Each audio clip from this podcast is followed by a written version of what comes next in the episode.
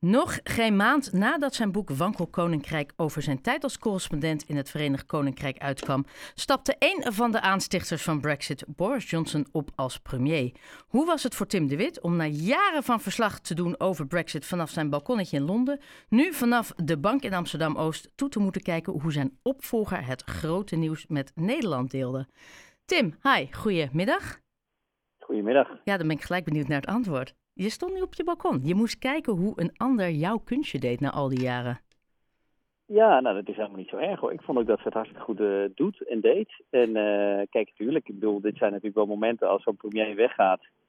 Dat zijn mega grote nieuwsdagen. Ja, dan mis ik het natuurlijk ook echt wel even. Want dat, dat is zo spannend om verslag van te doen. Uh, je weet, zeg maar, als je ochtends opstaat, niet wat er die hele dag gaat gebeuren. Dat is wel vaker zo in de Britse politiek, waar je altijd wordt verrast door allerlei krankzinnige omwentelingen in het nieuws. Ja. Dus dat vond ik wel jammer. Maar nee, ik vond het ook helemaal niet gek om uh, naar uh, Fleur te kijken. Hoor. Nee, ik bedoel, ik bedoel, ik moet zeggen, aan haar heb je echt een goede vervanger. Maar ik kan me voorstellen, als je zeven jaar lang echt jouw hele leven in het teken staat van Brexit. Want zo was het uiteindelijk volgens mij wel een beetje. Ja, zeker. En dan die laatste klap, echt wel een grote, Boris Johnson, die aftreedt. Ja, dan hoef je niet. Ja, Nee, nee, nee, dat is waar. En ik moet ook wel eerlijk zeggen, kijk, uh, hij had zoveel schandalen overleefd. Uh, ja. Elke keer hield zijn partij maar de hand boven zijn hoofd. En ik dacht op een gegeven moment, die man kan blijkbaar overal mee wegkomen. Uh, dus ik kreeg zelf ook steeds meer het gevoel van, ja, misschien laten ze hem echt blijkbaar zitten. En toen dook er dus nog een schandaal op een paar weken geleden. Ja, en, en daardoor merkte je iets in die partij gebeuren dat ze dachten, hij leert het gewoon echt niet. Het is niet iemand aan wie we dus gewoon uh, de premierschap nog langer toe kunnen vertrouwen. Hij moet echt weg. En ja, dan zie je ook iets wonderlijks gebeuren. Hè? Want uh, een paar weken geleden was er al zo'n vertrouwensstemming binnen de conservatieve partij in Johnson geweest. Die had hij nog overleefd. Ja. De meerderheid steunde hem nog. Ja, en dan denk je bij jezelf, nou ja, hij zit er waarschijnlijk heus nog wel minimaal een aantal maanden. En, en, en, een paar weken later is het dan toch ineens gedaan. Het kan dan ook zo snel gaan in die Britse politiek. Dat, dat hebben we ook alweer geleerd. Ja, nou ja, inderdaad. En, en volgens mij is dat sowieso wel een beetje het, het, het de Britse politiek. Um, uh, je moet altijd aanstaan. Als ik, ik, heb, hè, ik heb je boek gelezen. Je, je, staat altijd aan. Er is geen ruimte ja. om even uit te schakelen. Heb je dat ook zo ervaren? Ja, ja. Ja, nee, in, in, in mijn geval waren het ook wel hele extreme jaren natuurlijk ja. met, uh, met Brexit. Waarbij, uh, ik bedoel, dat heeft me eigenlijk ook altijd wel verbaasd, dat heb ik ook wel in het boek geschreven, dat er zoveel aandacht ook in de Nederlandse media voor was. Hè?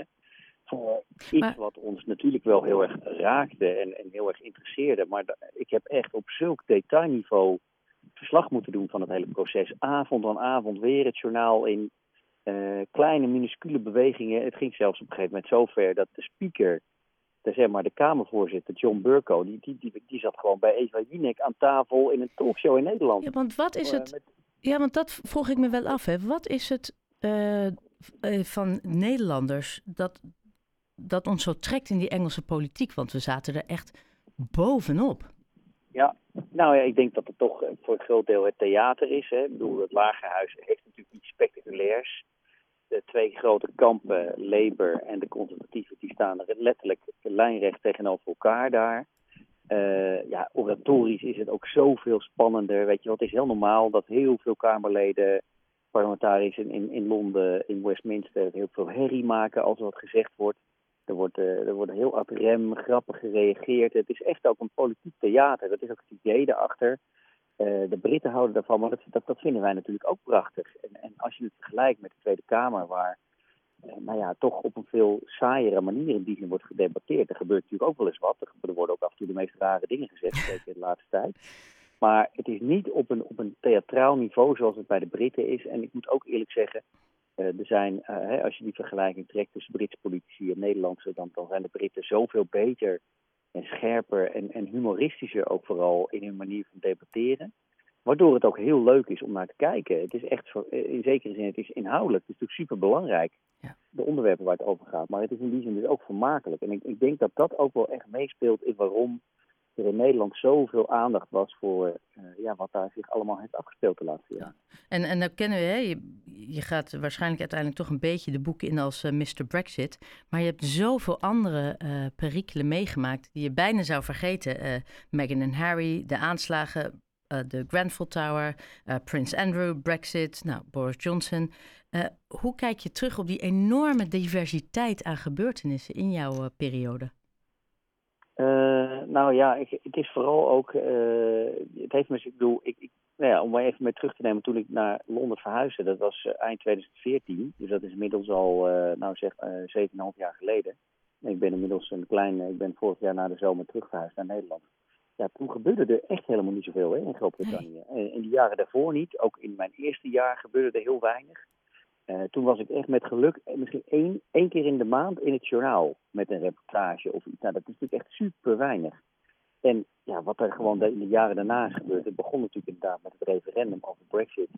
Maar het was ongelooflijk. En inderdaad, de diversiteit aan verhalen waarbij de Britten weer uh, de spotlights op zich gericht kregen. Het kwam uit alle hoeken. Want was het maar alleen maar Brexit? Hè? Inderdaad, ik heb op een gegeven moment in 2017 waren er maar liefst vier aanslagen achter elkaar bijna. In, in het tijdverstek van twee maanden. En in diezelfde periode ook nog die vreselijke brand in de Grenfell Tower, die aan 72 mensen het leven heeft gekost. Ja, inderdaad, het Koningshuis, wat ongeveer op omvallen stond. Eerst met die krankzinnige verhalen rondom Prins Andrew. Ja. En die hele soap met Meghan en Harry. Ja, en ik bedoel, die diversiteit vond ik dus ook prachtig. Want als het alleen maar politiek duiden is, want dat was natuurlijk een groot deel van mijn correspondentschap. Maar juist die andere onderwerpen erbij maken het tot iets.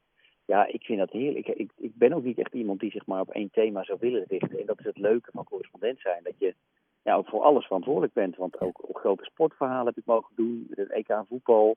Uh, bijvoorbeeld vorig jaar nog, dat was een van de laatste klissen. Waarbij Engeland de finale haalde. Dus vooral die, die, die, die, variëteit aan dingen. Uh, en ik ben ook echt zo'n generalist als journalist. Ik vind het leuk om op heel veel verschillende thema's te richten. Ja, dat maakte het voor mij gewoon een geweldige tijd. En wanneer besloot je om al die ervaringen te bundelen in een boek? Nou, dat had ik eigenlijk in mijn laatste maanden al wel bedacht toen ik in Londen zat. Uh, het voelde ook wel een beetje als een soort therapie. om alles, uh, alles wat ik heb meegemaakt een keertje op te schrijven. En het dus ook nog eens een keer weer allemaal door mijn hoofd te laten gaan. En, en weet je, er zijn natuurlijk heel veel correspondentenboeken geschreven. Uh, van correspondenten die een tijdje ergens gezeten hebben. Maar ik had heel erg de behoefte ook om aan vooral Nederlanders, hè, want daar heb ik natuurlijk voor geschreven uit te leggen hoe in mijn ogen dat land is veranderd in een paar jaar tijd. En, en niet alleen op politiek gebied, want Brexit heeft heel veel veranderd, maar juist ook in de samenleving. Uh, hè, hoe, de, hoe de gaten tussen arm en rijk alleen maar groter zijn geworden. De verdeeldheid, politiek in het land die, die Brexit veroorzaakt heeft. Maar ook de rol die de media speelt bijvoorbeeld. Dat heeft me altijd ontzettend gefascineerd. Die, die tabloids die nog altijd een, een echt ongezonde greep op de macht hebben in Groot-Brittannië.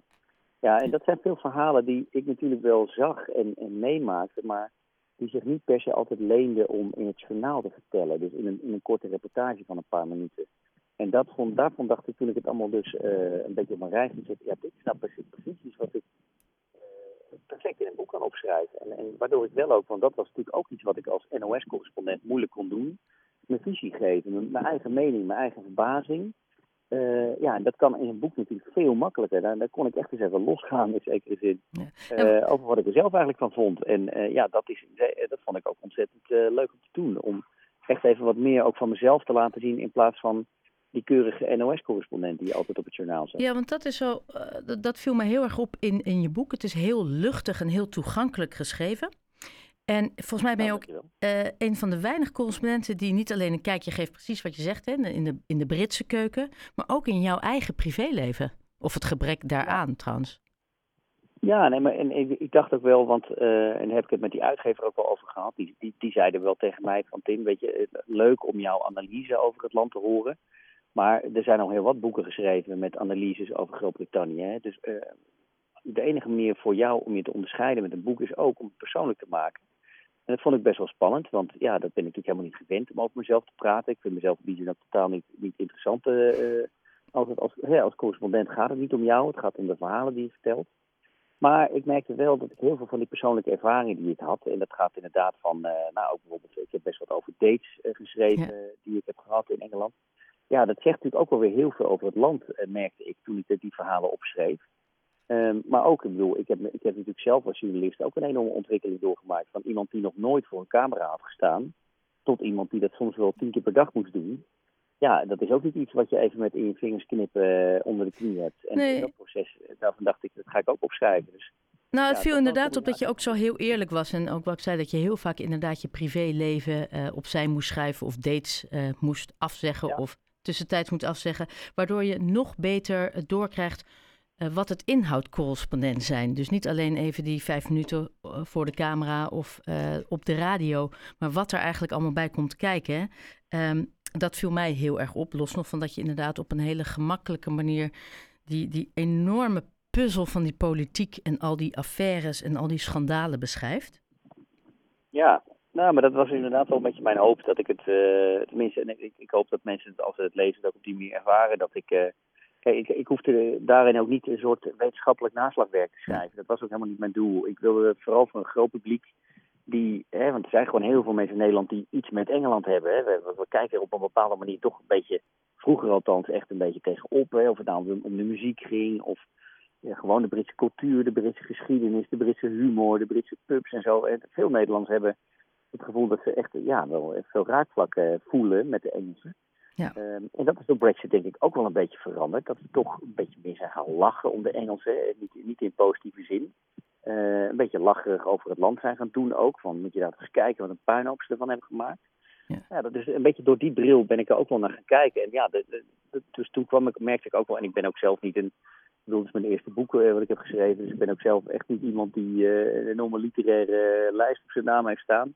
Dus ik heb het ook op die manier geprobeerd Ja. eh, op te schrijven. Eh, en, en inderdaad, het is dus eh, ja, met heel wat persoonlijke anekdotes er ook in. Eh, en dan eh, aanstaande zaterdag ben je te gast bij Boekhandel Blokker in Heemstede, waar je gaat vertellen over je boek en in combinatie met je tijd in het Verenigd Koninkrijk en misschien ook een beetje vooruitblikken alvast op wat nu, want we kijken natuurlijk ook allemaal wederom vanuit Nederland wie het gaat opvolgen. Ehm, hoe is dat eh, om, om alle boekhandels langs te gaan en Heemstede? Wordt wel heel spannend volgens mij. Ik mag de vraag Nou, stellen. ja, ik, ik vind het, nou ja, nee, maar ik vind het echt ontzettend leuk om te doen. Eh, en ik heb het nu inderdaad al, al meerdere keren gedaan. Ook dat is voor mij natuurlijk een eerste keer. Eh, en ik, wat ik vooral leuk vind, ik kom dus op plekken in Nederland waar ik vaak nog nooit ben geweest. En ik ben in totaal eh 13 jaar in het buitenland geweest, is ook best wel een tijd. Dus ik, ik, ja, ik, ik ben in Lisse geweest en in Ede en in, in Nunspeet en, en Leeuwarden. En het zijn wel plekken waar ik, eh, tenminste Leeuwarden niet, maar de, die andere plekken, ja, heb ik normaal gesproken weinig te zoeken gehad. En het vind ik ontzettend leuk om daar dus mensen te treffen die ja, met veel enthousiasme je boek hebben gelezen en daar allerlei vragen bij hebben. Eh, dus ik merk dat het, dat het eigenlijk, vooral het contact met mensen die gewoon geïnteresseerd zijn in je boek en in je verhalen, ja, dat vind ik ontzettend. eh, hè, dat, dat, dat is eigenlijk de reden waarom ik het heb geschreven. Ik dacht, ja, om, om mensen er gewoon wat een plezier op die manier mee te doen. En, eh, en, en dat je dat in die zin in vrij kleine kring in zo'n boekhandel en ook bij blokken, eh, denk ik dat het heel leuk wordt. Want ja. ja, er komen volgens mij best wat mensen. En, dus, en volgens mij, de toegang is gratis. Je kan er gewoon nog naartoe komen. Ja. Zaterdagmiddag half vier gaan we volgens mij beginnen.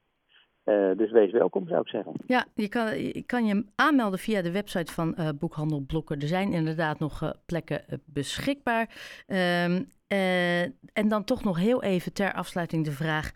Volgens mij zijn er nog zes mensen, kandidaten in de race als opvolger voor Boris Johnson. Zeg ik dat goed? Ja, ja vijf inmiddels. Dus. Vlak voor de uitzending is er nog eentje afgevallen. Oké. Okay. Ja, dus het wordt echt spannend. maar geen van die vijf zullen. Sorry dat ik je onderbreek. Geen van die vijf. Er is geen kans vanuit die vijf dat ze zullen zeggen: ja, misschien moeten we toch iets soepeler die Brexit erin gaan gooien. Nee, hè? Uh, dat denk ik niet, nee. Ik denk als je toch luistert naar de meesten, uh, en ook zeker nu degene die de grootste kans maken, ja, dat zijn echt uh, behoorlijke hardliners als het op Brexit ja. aankomt. Hoor. Dus mensen die in de illusie verkeren dat door het vertrek van Boris Johnson dat je een veel gematigde premier krijgt. En ergens had ik die hoop toch ook wel, weet je wel, dat je denkt, zeker omdat Johnson, nou ja, hè, vooral met al die schandalen met, met Partygate en die, die lockdownfeestjes, maar uh, de, we krijgen echt wel een ander soort premier, daar ben ik van overtuigd. Iemand die veel minder op die manier in een negatieve manier de, de, de aandacht trekt. Maar ik denk toch wel dat Brexit blijft Brexit. die gewoon weer uh, ja, de confrontatie met de. EU blijft zoeken. Want dat is gewoon iets waar die conservatieve partij nog heilig in. Dat is de weg vooruit. Ja. Uh, Tim de Wit, uh, heel erg uh, bedankt. tot, nou ja, zaterdag zoals gezegd om half vier in Boekhandel Blokker in Heemstede. De toegang is gratis. Je zal daar ook tevens je boek signeren en je kan je aanmelden via de boekwinkel zelf, via hun website. Dankjewel en een fijne avond nog.